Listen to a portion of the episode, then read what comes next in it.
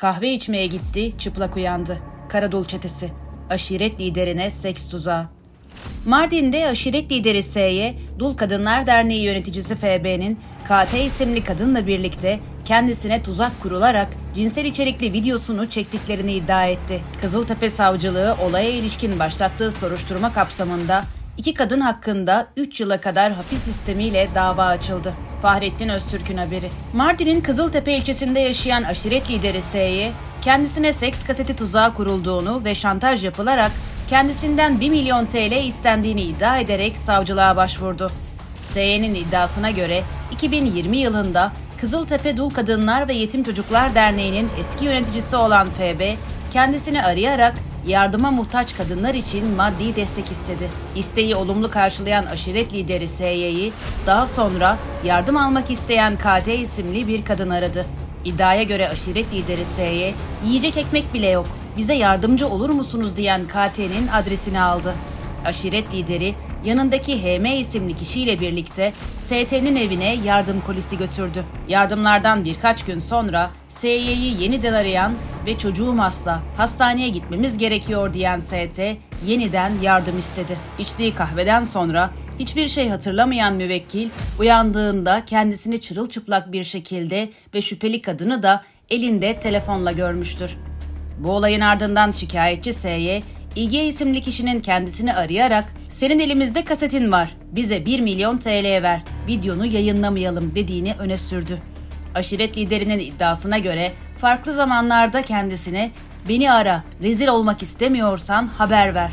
Sen en sonunda düşeceksin pişman olacaksın. Sen öyle saklan o videoyu bu akşam bir akrabana verecekler şeklinde tehdit içeren telefon mesajları geldiğini söyledi. Daha sonra ise şikayetçi SY'nin gizli çekildiği ifade edilen görüntüleri Kızıltepe'de yaşayan kişilerin olduğu WhatsApp gruplarından ve bazı Twitter hesaplarından paylaşıldı. Şikayetçi SY kendisine tuzak kurulan ve tehdit mesajlarını organize eden kişinin MSE olduğunu iddia etti. Kızıltepe Cumhuriyet Başsavcılığı tarafından başlatılan soruşturma kapsamında şüpheli olarak ifade veren MSE ise olaya adının karıştırılarak iftira atıldığını söyledi. Soruşturmanın sonunda iddianame hazırlandı. İddianamede dernek yöneticisi FB ile videoyu çektiği iddia edilen KT isimli iki kadın sanık olarak yer aldı. İddianamede FB isimli kadının Kızıltepe Dul Kadınlar ve Yetim Çocuklar Derneği'nin başkanı olduğu, FB'nin şikayetçi SY'yi telefonla arayarak yardıma muhtaç kadınlar olduğunu söylediği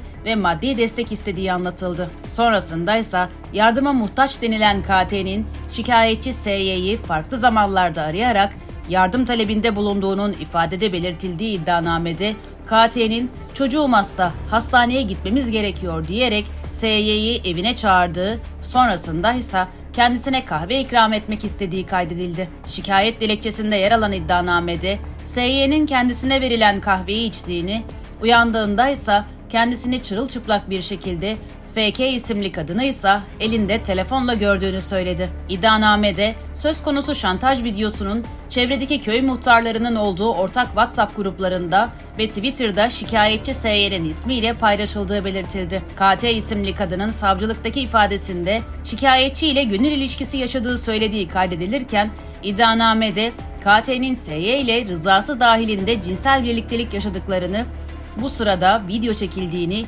şikayetçinin video çekildiğinden haberi olduğunu, hatırlamadığı bir tarihte dernek başkanı FB'nin bu videoları kendisinden habersiz aldığını söylediği yer aldı.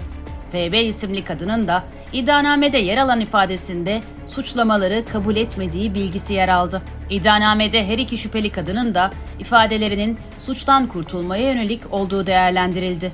Her iki şüpheli kadının da Twitter ve eylem işbirliği içerisinde hareket ederek kendilerine yarar sağlamak maksadıyla şikayetçi SY'yi müstehcen görüntülerini yaymakla tehdit ederek şantaj suçunu işledikleri değerlendirildi. Savcılık şüpheliler FB ile KT'nin şantaj suçundan bir yıldan 3 yıla kadar hapisle cezalandırılmasını talep etti.